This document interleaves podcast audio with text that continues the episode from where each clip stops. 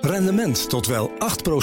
Ontdek Unity. Wij bieden koppelbare werk, kantoor en opslagruimtes die staan voor duurzaamheid, kwaliteit en veelzijdigheid. Sluit je aan bij Unity, waar alle ruimte is voor creativiteit, lef en rendement. Kijk voor meer informatie op unity-units.nl. Heb jij de BNR-app al? Met breaking news in de podcast De Perestrooikast. Download de app en blijf scherp. BNR Nieuwsradio. De wereld. Bernard Hammelburg. Welkom bij het beste binnenlandse programma over het buitenland. Straks hoe zit het nu precies met Prigozhin en die geheimzinnige Wagner-groep? Zijn die nu wel of niet weg uit uh, Oekraïne of in Belarus? We horen het van Europa-verslaggever Geert-Jan Haan. Maar nu eerst, Spanje gaat zondag naar de stembus om een nieuw parlement te kiezen. De partij van premier Sanchez verloor dit jaar flink bij lokale verkiezingen. In een poging om het tijd te keren vervroegde de premier de landelijke verkiezingen. Maar gaat het toch lukken of is het einde van Sanchez nabij? Y aunque las votaciones de ayer tenían un alcance municipal y autonómico, el sentido del voto traslada un mensaje que va más allá. Y por eso, como presidente del Gobierno y también como secretario general del Partido Socialista, asumo en primera persona los resultados y creo necesario dar una respuesta y someter nuestro mandato democrático a la voluntad popular. Dat was premier Sanchez die de verkiezingen aankondigt. Ik praat erover met Jorn Lucas, onze eigen BNR-correspondent in Spanje. Hi Jorn. Hi Bernard. Uh, premier Sanchez is sinds 2018 aan de macht. Wat typeert hem, of anders gezegd, hoe typeer jij hem? Nou, laten we bij het laatste beginnen. Ik heb hem een paar keer van dichtbij meegemaakt. En bij mij komt hij altijd over als een, uh, een rustige man, wars van populisme. Uh, hij is econoom van huis uit, uh, heeft deels in Brussel gestudeerd. Uh, maar er zijn ook heel veel mensen die hem echt een arrogante zak vinden. de, de meningen over hem zijn echt wel verdeeld. Hij heeft misschien een soort van Frans Timmermans. Uh, iets ander postuur bij de socialisten, uh, ja. maar ook uh, over hen zijn de meningen sterk verdeeld. Ja, dat mag je wel zeggen. En het is misschien zo dat als iemand zo aan de top komt drijven, dat je dat tijd een beetje hebt. Hè? Maar goed, er stond een stuk in het FD die omschreef hem ja. als de Spaanse Kennedy. Sanchez zou zich namelijk graag omgeven met beroemdheden, vindt hij chic. En hij houdt ook erg veel van zijn eigen uiterlijk. zie jij dat ook in hem? Nou ja, dat, dat arrogante komt daar wel een beetje in terug. Uh, ik denk dat hij zelf enorm gecharmeerd zal zijn als hij wordt vergeleken met, met Kennedy, inderdaad. Uh, dat zou ik ook zijn, ik, hoor. Jij, ja, ik ook. Ja. ja ik, ik, zou er meteen vertekenen. Ja. Maar ik heb persoonlijk heb die foto's met beroemdheden, is, die zijn mij niet opgevallen. Maar uh, wat voor mij heel, belang, heel opvallend is, zowel voor hem als voor de Spaanse politiek, hij, is, hij spreekt heel goed Engels. En dat is bijna een unicum voor een, zeker een Spaanse premier, maar überhaupt een Politicus volgens mij. Ja. En dat, en dat geeft hem wel een bijzondere positie binnen. Uh, nou ja, uh, in de Spaanse his, politieke historie, maar eigenlijk wat ik wilde zeggen binnen de Europese Unie, bij zijn Europese collega's. Hij ligt goed. dus dat, is, dat typeert hem wel volgens mij. En waar heeft hij dat geleerd? Was dat in zijn periode in, in, in Brussel? Of heeft hij echt gewoon Engels uh, les genomen, gestudeerd? Nou, volgens mij, komt dat vooral, volgens mij komt dat vooral door die periode in, uh, in Brussel. Ja. Uh, maar en, hij steekt het op verschillende manieren niet onder stoel of banken dat hij Europa en de Europese Unie heel belangrijk vindt. zowel voor zijn land als voor de Europese Unie zelf. Hij is, zit op een vruchtbare bodem als het gaat om belangrijke grondstoffen. Ja. Dat is weer belangrijk voor de Europese uh, Commissie. Maar hij is als Europa als, is natuurlijk ook belangrijk voor hem. Ja, als tijdelijk Europa-voorzitter dus uh, een vis in het water, maar zeggen. Hè, zoiets. Zeker, ja. zeker, zeker. De Socialistische Partij van Sanchez verloor bij lokale verkiezingen begin dit jaar. Um, dat zou betekenen dat Spanjaarden dus niet zo weglopen met hem of met zijn beleid. Nou ja, ze lopen niet zo weg, maar er is één term die sinds het uitschrijven van die uh, verkiezingen uh, steeds rondgaat. Dat is het, het sanchismo. Wat er precies onder valt, uh, kan je mij niet, kan ik niet helemaal zeggen. Maar op de ene manier heeft hij in zijn regeerperiode economisch goede successen weten te behalen. Dus de inflatie is nu een van de laagste binnen de eurozone.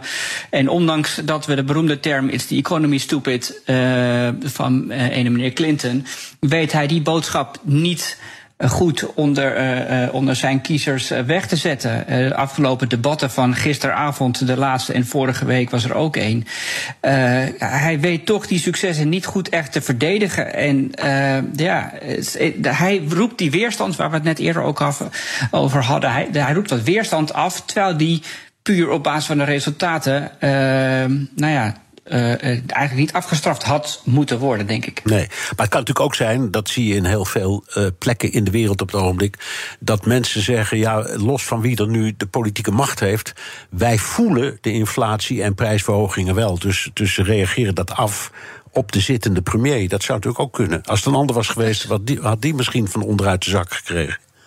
Dat zou heel goed kunnen. Ja. Ja, je hebt wel gelijk, de inflatie is, is, is laag. Maar uh, als je kijkt naar de voedselprijzen, die zijn enorm, ja. enorm gestegen. Ja. Ook dalen nu ook wel weer een beetje. Maar die lagen op een gegeven moment lagen die 15% hoger dan normaal. En als je het dan vergelijkt met Nederland, is het nog steeds erg weinig. Maar voor een gemiddelde Spanjaard uh, was dat wel eventjes, uh, was dat wel eventjes doorbijten. En dus is het de schuld van Sanchez, dat bedoel ik maar. En dan verlies je. Precies. Ja. Nou, even de een. Hij heeft dus uh, verkiezingen uitgeschreven. Dat kan in Spanje, uh, net als in Engeland. In Engeland noemen ze dat een snap election. Dus dan kan een premier besluiten, als het heel slecht met hem gaat, om verkiezingen uit te schrijven, want dan is hij van de zorgen af. Of als hij heel goed staat, denken: ik wil, ik wil uh, incasseren en kijken of ik mijn winst kan vergroten. Dat heeft Sanchez nu besloten. Dus er komen zondag verkiezingen, snap elections. Maar hij heeft het niet met de coalitie overlegd. Nee, dat was wel een beetje een verrassing. Uh, voor die hele coalitie. Die, ik weet ook niet helemaal of ze er helemaal blij, voor, blij mee waren. Uh, aan de andere kant, uh, de, zijn coalitiegenoot, de Podemos, die is soort van opgeheven. En daar is een nieuwe partij voor in de plaats gekomen. Sumar heet die partij. En die staat onder leiding van zijn, van zijn huidige vicepremier. Die doet het best goed in de peilingen. werd tot winnaar uitgeroepen van het debat van gisteravond. Dus of er nog echt oneenigheid is tussen beide partijen over het uitschrijven van de verkiezingen, dat weet ik niet. Maar Sanchez heeft volgens mij uh, op, op, willen voorkomen dat er een al te groot debat over zijn functioneren uh, zou ontstaan binnen de partijen zelf. Maar het ook gewoon geen zin om maandenlang te moeten horen wat voor een fouten hij gemaakt zou hebben. Een soort van shock in al, alles of niks. erop gokken. Ik kon nog zo snel mogelijk verkiezingen aan. Uh, om te kijken of ik in een korte, heftige campagne toch nog de steun weer achter mij kan krijgen. Ja, maar hij, nu zien is hij, ja, zeg maar. Maar, maar, nee, maar hij deed het dus op het moment dat hij lokale verkiezingen had verloren. En, en ja, dacht, ik ga, toch, ik ga toch met gestrekt been erin kijken waar, uh, ja, uh, ja, nou ja, echt met gestrekt benen eh, erin. Dat, je hebt helemaal gelijk, dat is een goede typering. Het, het is, uh, s'avonds laat kwamen de, de, de, uitslagen binnen. En uh, de volgende ochtend persconferentie, hapsnap voor het Moncloa, het, het, het, Spaanse Witte Huis, zeg maar. En hij kondigde de verkiezingen af. Dat was een, een grote verrassing voor, voor zowel politici als voor media. Die, het, zeker de media nam het hem niet in dank af. Midden in de zomervakantie, verkiezingscampagne was niet helemaal prettig. Nee, dat gaat op kosten van de vakantie. ja, nou ja, dat was wel een dingetje, ja. Maar de afgelopen week heeft hij fors heen en weer gereden tussen Brussel, NAVO-top, uh, Kiev uh, en die lokale verkiezingscampagne, uh, verkiezingscampagne in Spanje. Een enorme marathon. Ik. Ik uh, hoop dat hij uh, het nog goed heeft met zijn gezondheid. Ja, is er een reden om aan te nemen dat dat niet zo is? Of zeg je wel, die man werkt zo nee. hard, dan kan niet gezond zijn? Uh, dat, laat het houden op, ja, ja. op dat laatste. Um, even, even kijken naar de peilingen. Uh, voor ja. zover we die nog kunnen vertrouwen in, uh, in 2023 in het algemeen, maar, maar toch. Als jij om je heen kijkt, de verschillende peilbureaus bekijkt, om, luistert, um, hoe ligt die, Sanchez? Uh, nou, er zijn bijna dagelijks peilingen. Het, het, uh, je wordt overspoeld ermee. En volgens mij ligt het echt heel erg dicht bij elkaar. Uh, de ene keer wordt, wordt rechts PP van meneer Vego tot winnaar uitgeroepen. Aan de andere kant blijkt weer dat die ja, ze winnen, maar de meerderheid zal niet groot genoeg zijn om te kunnen regeren. Ehm, uh, het, ligt, ik, ja, het ligt heel dicht bij elkaar. Ik denk dat ik wel een beetje vermoed heb waar het op uit gaat draaien. Maar hoe dan ook, uh, wat ik mis bij Sanchez, voor zover ik dat kan zeggen als uh, onafhankelijk journalist, hij straalt niet echt uit als iemand die alle redenen heeft om zijn positie in dat Moncloa, het Witte Huis van Spanje, echt te gaan verdedigen. Nee, maar is dat alleen maar vanwege de manier waarop hij optreedt, of is dat, in, is dat een inhoudelijk verhaal? Is dat inhoudelijke kritiek als je die al hebt? Uh, die, uh, nou, ik vind het ook, ja, inhoudelijk heeft hij genoeg reden om, om trots te zijn op wat hij heeft bereikt. Of hij nou echt helemaal lekker ligt binnen de partij. Hij is ook met een beetje wat, wat met moeite tot aan de macht gekomen destijds in, in 2018. Dus dat zijn wat strubbelingen. Maar inhoudelijk gaat het bijna niet over zijn prestaties in de verkiezingscampagne. Het gaat eigenlijk vooral tussen een enorme strijd tussen links en rechts. En wat dat betreft lijkt Spanje een soort van terug te keren naar een periode van uit de jaren negentig, waar het ook weer destijds volledig ging tussen links of rechts. Het verschil is dat er nu coalities nodig zijn om een meerderheid te krijgen. Ja. Ja. Maar het, het, het, het, gaat tussen links en rechts. En dat is het, het, het hele uh, het thema wat eigenlijk alles overheersend is. Boven de belangrijke thema's die bij de alle partijen natuurlijk wel in hun programma's hebben staan. Ja, komen we direct over te spreken. Dit is BNR De Wereld.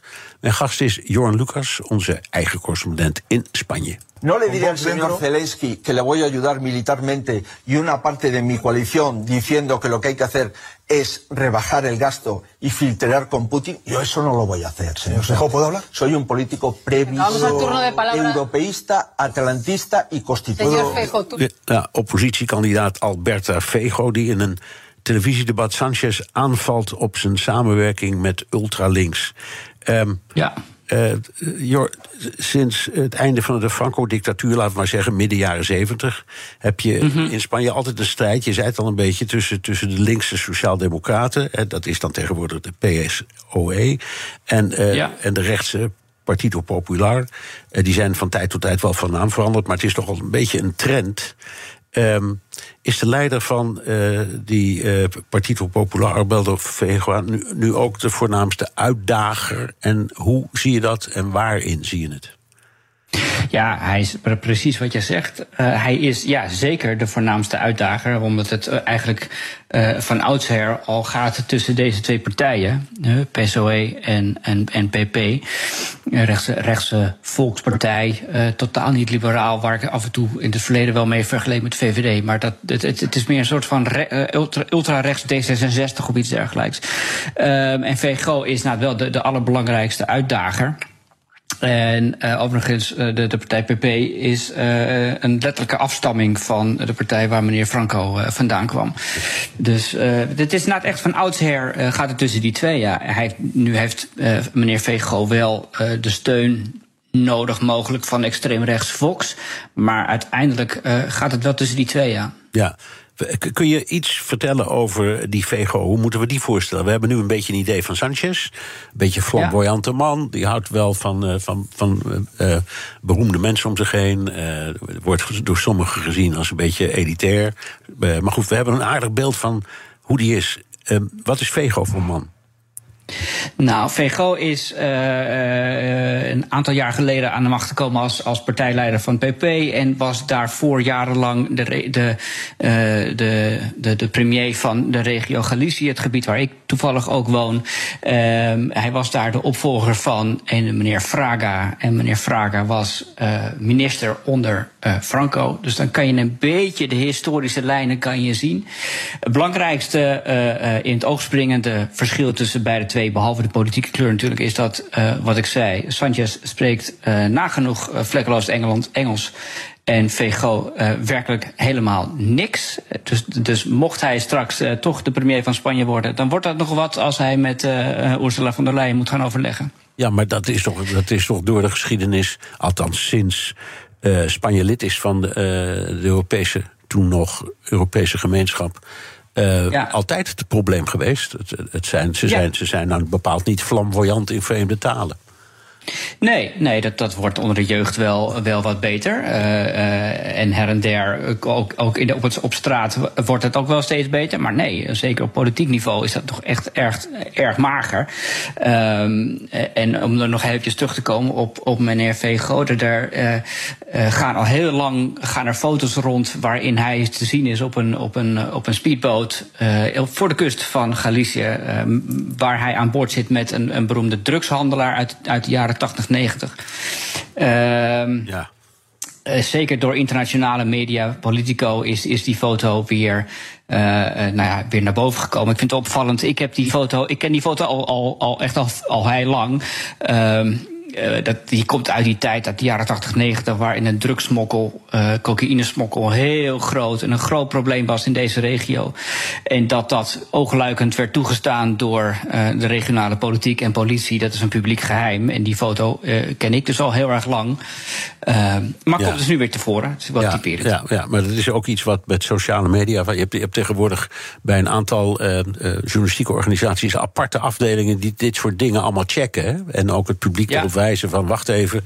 Als het bijvoorbeeld gaat om de oorlog in Oekraïne, deze foto is helemaal niet in Kiev gemaakt, maar in Aleppo, ik noem maar wat. Dus ja, van dat soort trucs. Ja. Um, um, je, je, hebt het over, over die foto. Er is ook een documentaire geweest waarin Sanchez als een soort uh, als autocraat wordt uh, uh, neergezet. Is dat net zo'n soort verhaal? Is dat ook oud of, of is dit nieuw? En zijn dat nou allemaal eigenlijk alleen maar campagne-trucs om elkaar zwart te maken? Nou, de, om met dat laatste beginnen, die campagnetrucs en elkaar zwart maken, dat is wel degelijk zo. Het laatste fragment wat je liet horen, dat kwam uit het, het, het, het verkiezingsdebat tussen Sanchez en VGO vorige week. Wat, wat één grote stroom van moddergooierij en, en verdachtmaking uh, was. En die documentaire, ja, ik heb hem persoonlijk zelf niet gezien, ik ken wel van het bestaan eraf. Hij wordt nou, door, door meerdere mensen wat autocratisch gezien, maar ook als een vechtersbaas die die verschillende problemen uh, in zijn eigen partij en binnen zijn land altijd wel wel weet te overwinnen.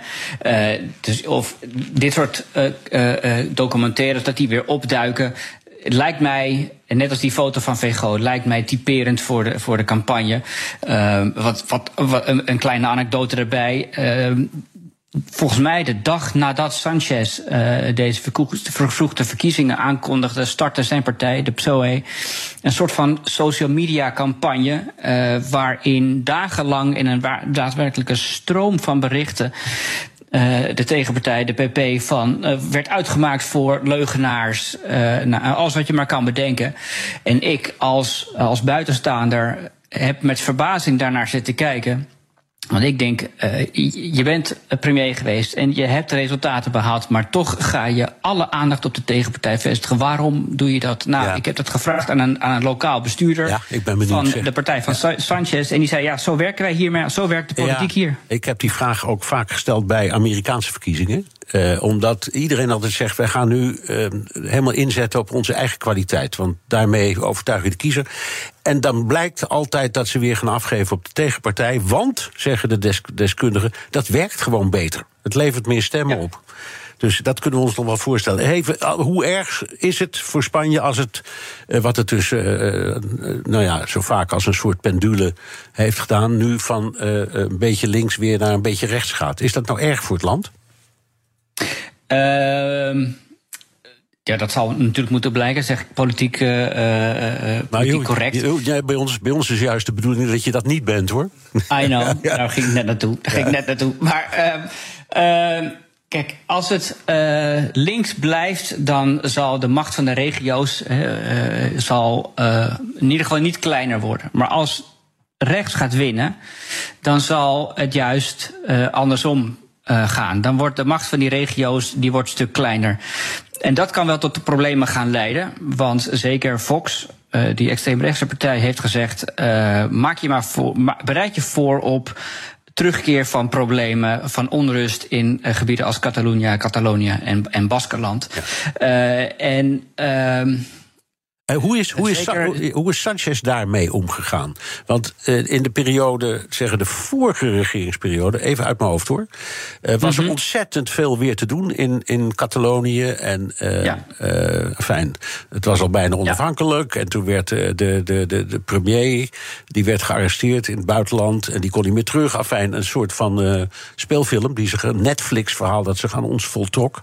Hoe is dat nu? Ja.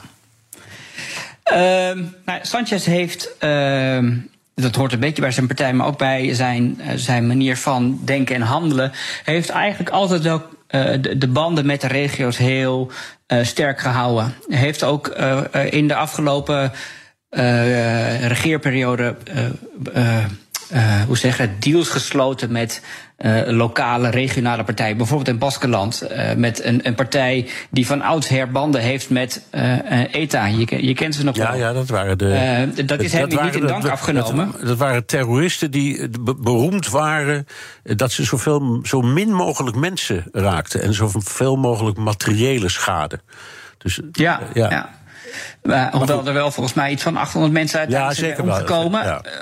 Maar, maar uh, die, die, uh, en uh, hij heeft altijd contact gehouden en, en, en deals gesloten met, met belangrijke regionale partijen. En, en zoals nu in Baskeland, waar hij dus een, de partij Bildu, met die, uh, die banden heeft met ETA, heeft hij deals gesloten. En niet alleen daardoor, maar door meer deals. Baskeland is een van de meest rijke regio's van Spanje geworden. Zowel per capita als wat betreft voorzieningen. En dat is puur het gevolg van onderhandelingen met die centrale regering. En dat werkt misschien ook wel wat, hoe zeggen, ja, wat pacificerend. Ja, uh, zowel de, de, de, de, centrale regering in Madrid als de regionale regeringen in die regio's tevreden houden met een soort van handjeklap deals sluiten. Daar hou je een soort van rust. En uh, Vox die wil dat zeker niet. die die kondigt ook nieuwe onrusten aan. PP zal daar net iets minder extreem in zijn, maar die zijn ook wars van uh, uh, nou ja, al te machtige regio's. Ja, en dat geldt ook voor Catalonië. Heeft hij dat ook als het ware weten te sussen, ja, toch een beetje? Ja, ja, dat is zeker. Die, die onrust waar je net naar verwees van ruim vijf jaar geleden, dat was uh, onder de, onder de, de PP-premier, meneer Rajoy. Ja. en die is daar ook hard tegen ingegaan. Maar Sanchez is daar, is daar wat rustiger mee omgegaan. Ja. Um, is het handig om, een, uh, om verkiezingen af te kondigen tijdens een hittegolf? Ja, nou, of het handig is, weet ik niet. Maar uh, het is, zoals in het begin ook al zei, het is Sanchez niet in dank afgenomen. Niet bij de media, maar ook niet bij mensen thuis. Van ja, daar gaat mijn zomervakantie. Uh, wat wel een resultaat is in ieder geval, is dat heel veel mensen, een record aantal mensen per post heeft gestemd, nu al. Uh, de staatsbedrijf Correos heeft het nog nooit zo druk gehad. Uh, dat is ook wel weer lastig, want zeker tijdens de, hitte, tijdens de zomerperiode, tijdens hittegolven, wordt de werkdagen van de postbeambten wordt met twee uur verkort. Dus dat, dat, dat leidt wel tot her en der wat, wat tot dilemma's. Uh, maar het hittegolf zelf, uh, de warmte, de droogte, de gevolgen daarvan, maatregelen. Ja. ja. zou naar mijn mening veel meer te sprake moeten komen. Gisteren tijdens het debat is dat eventjes gekomen, maar zeker Vox die wil niets weten van verbanden tussen klimaatverandering, uh, droogte en dat soort zaken, maar wil alleen maar boeren beschermen. Ja, dat begrijp ik. Is er tenslotte verband tussen de verwachte opkomst en de te verwachten uitslag?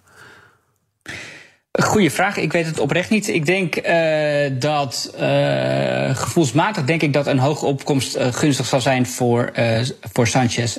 maar ik weet het echt niet. Ik, ik denk overigens wel dat rechts PP uh, de verkiezingen gaat winnen. Of ze echt ook de daadwerkelijke meerderheid zullen halen, weet ik niet. Uh, Vego roept al weken dat hij geen coalitie wil met Fox, maar hij is niet in zijn eerste leugentje gestikt. Dus dat moeten we ook nog maar zien. Want op lokaal en regionaal niveau doet hij dat wel ook gewoon. Uh, als Sanchez toch weet te winnen, dan gebeurt het wel op miraculeuze wijze volgens mij. Okay. Uh, ik nou, ben heel benieuwd. Is één voordeel: onze correspondent spreekt zowel Engels als Spaans. Dankjewel, Jon Lucas, BNR-correspondent in Spanje. Rendement tot wel 8%. Ontdek Unity. Wij bieden koppelbare werk, kantoor en opslagruimtes die staan voor duurzaamheid, kwaliteit en veelzijdigheid. Sluit je aan bij Unity, waar alle ruimte is voor creativiteit, lef en rendement. Kijk voor meer informatie op unity-units.nl. Transportreus van Stralen de Vries rijdt al 16 jaar met elektrische trucks. Daarmee mag het gerust een voorloper genoemd worden. Maar Erwin Keizer, projectmanager duurzaamheid, kijkt verder dan dat. Hij werkt aan lokale energiecoöperaties, transporthubs en samenwerkingen... die zorgen voor zo min mogelijk leegrijdkilometers. Je leest zijn verhaal op partner.fd.nl slash bp.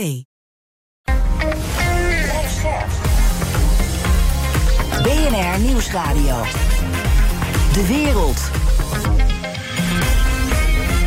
Bernard Hammelburg. Een paar weken geleden vroegen we ons af waar Yevgeny Prigozhin nou was. Die uh, leider van Wagner, de, het privéleger.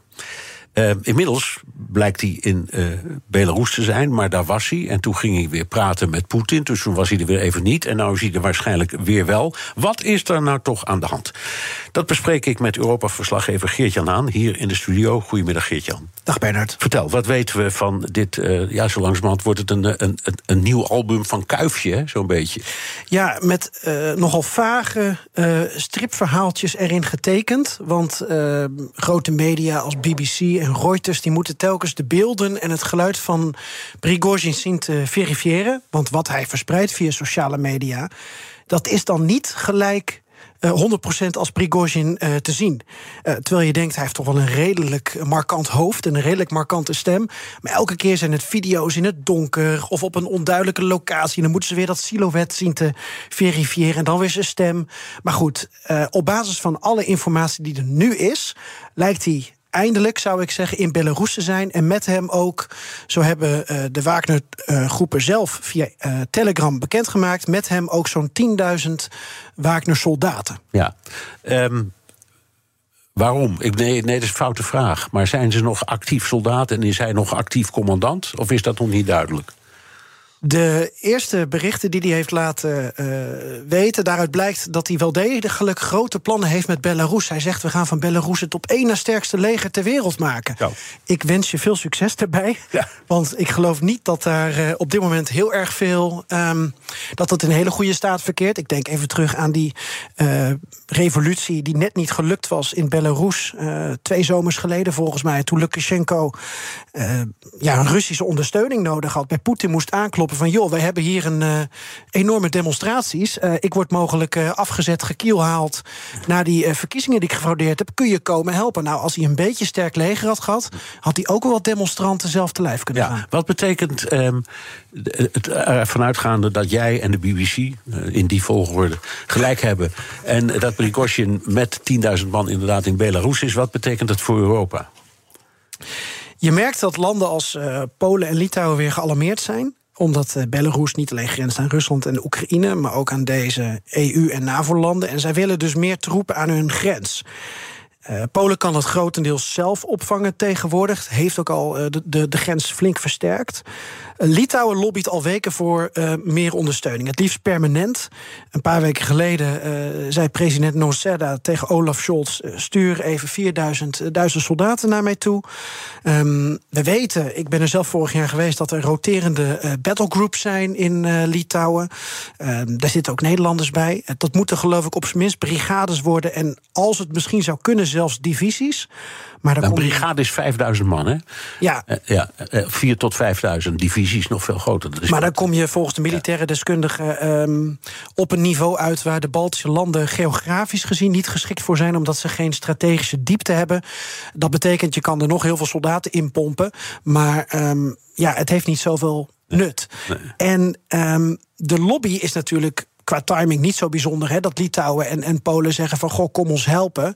Eén, omdat de deal tussen Poetin en Prigozhin eenmaal was. Uh, Prigozhin, je, je gaat als een sodemieter naar Belarus en je blijft niet in Rusland. Um, maar twee, die landen die uh, stonden natuurlijk vorige week. Uh, zeker Litouwen was, was de gastheer van de NAVO-top. Ik had in datzelfde filmnieuws, um, waar de NAVO-top was, ook een gesprek hierover met een Litouwse professor, Dovile Jakiniuonaite. Zij is gespecialiseerd in uh, internationale betrekkingen, maar ze is wat mij betreft ook een van de beste Ruslandkenners van, uh, van Europa.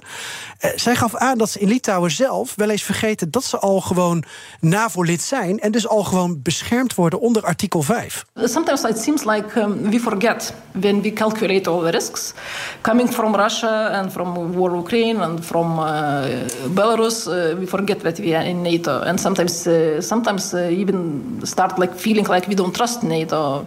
Nee, ze zegt ook, soms verzinnen we er zelfs dreigingen van buitenaf bij, zodat ja. wij weer kunnen zeggen tegen andere westerse landen: kom ons helpen.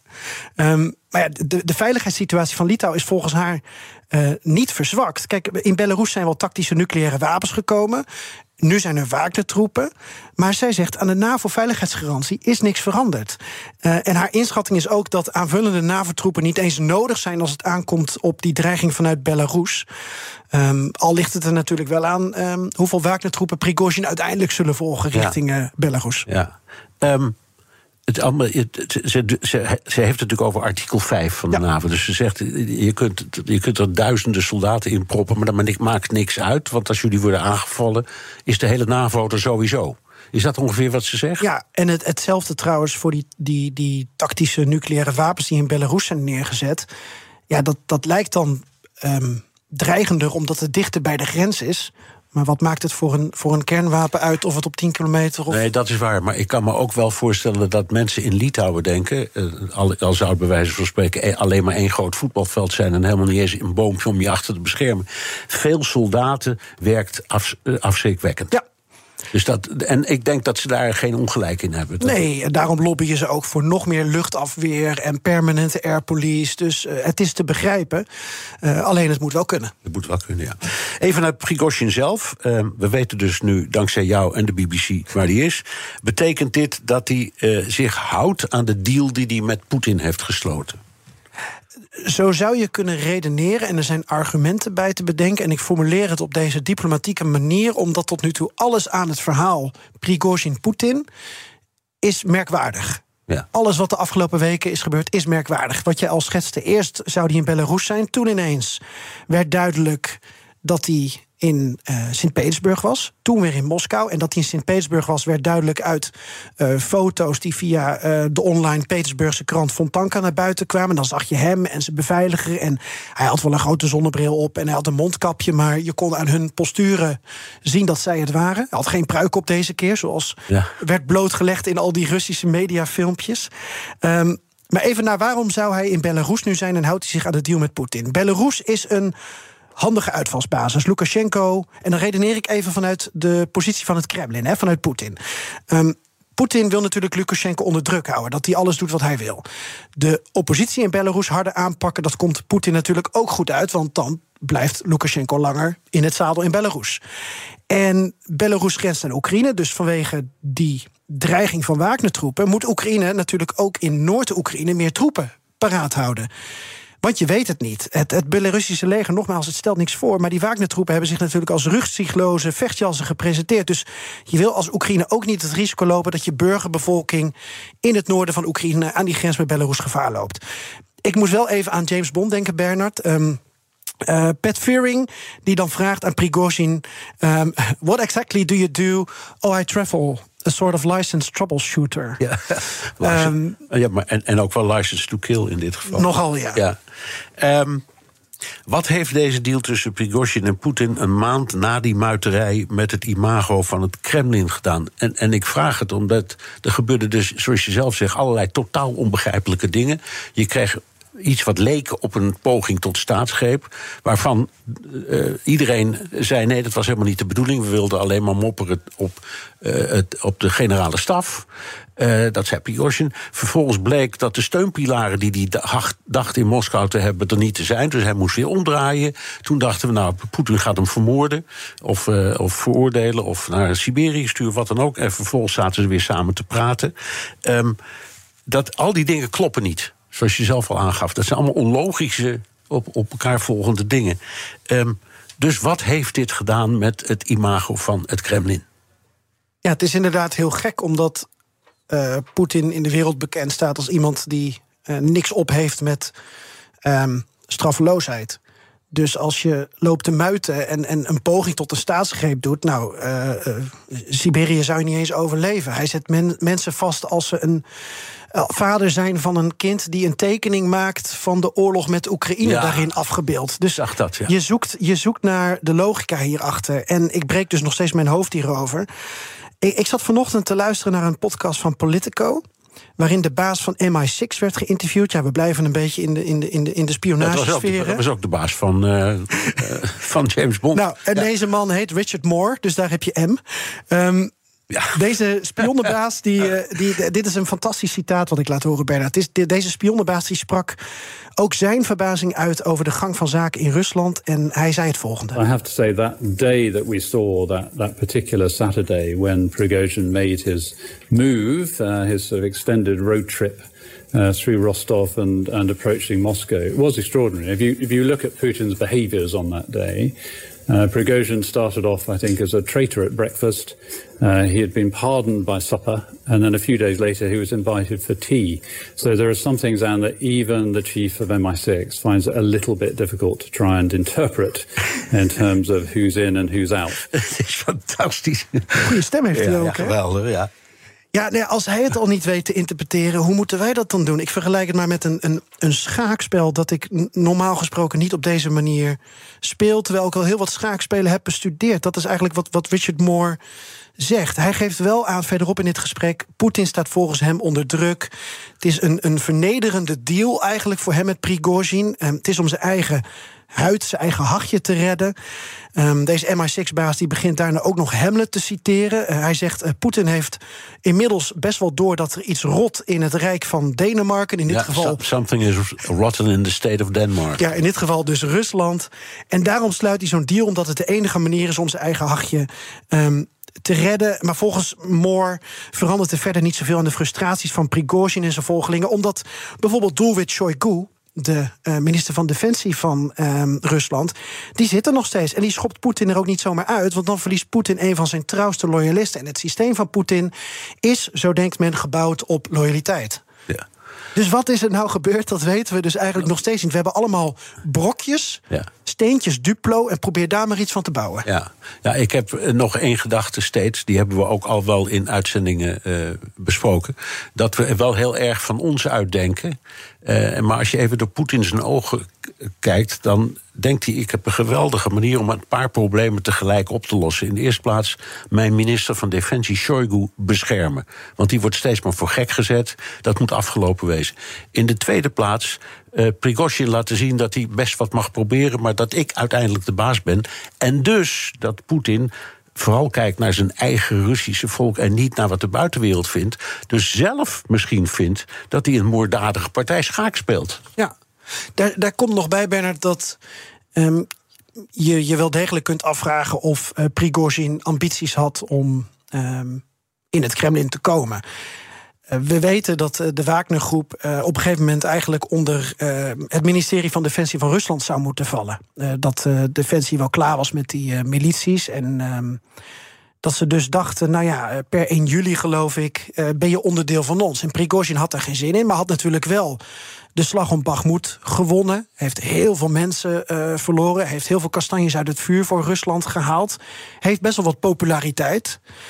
En Prigozhin dacht wellicht, ik ga gewoon voor het hoogst haalbare. En dan kom ik misschien wel in het midden uit. Maar dat betekent dan wel een, een, een mooie positie, een fu- mooie functie elders, om met Pieter Omzicht te spreken. Want vergeet niet dat Poetin en Prigozhin elkaar ook wel nodig hebben. Poetin, en dat zei Richard Moore ook nog van MI6, Prigozhin is een creatie van Poetin. Die heeft hem zelf zoveel macht gegeven. Hij is ook de cateraar van allerlei ehm, eh, militaire bases in Kirgizië en Armenië, geloof ik. Dus je kunt niet zomaar van Prigozhin af. En Prigozhin heeft eh, gegokt en misschien in onze optiek verloren. Maar misschien in zijn optiek, Nee, eh, dat- optiek niet eens zoveel. Want hij gaat naar Belarus. En wie weet dat hij over een paar jaar de ongekroonde koning van Belarus wordt. Ja, en dan is er ook steeds discussie over ehm, de rest van eh Wagner. Want er zitten ook in de Centraal-Afrikaanse Republiek. troepen en in andere Afrikaanse landen. Ja. En als ik het goed begrijp, blijven die gewoon daar zitten. Eh, wie, eh, is dat nog steeds onder bevel dan van Prigozhin? Of is hij daar dan nog steeds de baas van? Dat is me niet helemaal duidelijk. Ja, hij is dan nog steeds eh, de baas daarvan, zegt hij zelf. Ehm, eh, je ziet wel de afgelopen weken steeds meer signalen dat eh, Wagner ook klusjes voor Chinese zakenlui aan het opknappen is in Afrika. Het is natuurlijk ook een verdienmodel. Ja. Ehm Prigozhin's Wagner werkt als volgt. Je hebt dus voor een deel heb je een privéleger. Hij heeft ook eigenlijk zijn eigen vliegtuigen. En een ander deel van Wagner dat bestaat sinds de oorlog in Oekraïne uit allerlei gevangenen en tuig dat uit al die eh, gevangenissen is gehaald in Rusland. Wat ook weer winst was voor Poetin. Want ja, die gevangenissen die raakten toch redelijk vol inmiddels. Ehm, ja, en je ziet dus dat Prigozhin wel degelijk door wil gaan met, met eigenlijk zelfverrijking ook middels eh, Afrika. Ja, en het is, het- hij heeft een onderneming en die onderneming moet door. Daar komt het op neer. Hij is een zakenman. Ja, niet, niet de vriendelijkste. Nee. Ehm, even uh, over een andere kwestie waar jij en ik uh, heel veel over hebben gesproken de afgelopen dagen in en buiten de uitzendingen om. En dat is de, de situatie met uh, dat, die graandeal. Daar is allerlei nieuws over. Wat, in, wat is het laatste nieuws wat jij hebt gehoord over die graandeal? Nou, wat mij opviel, wat ik vandaag las, was dat uh, Rusland inmiddels uh, een aantal, aantal verhalen aan het creëren is rond die graandeal.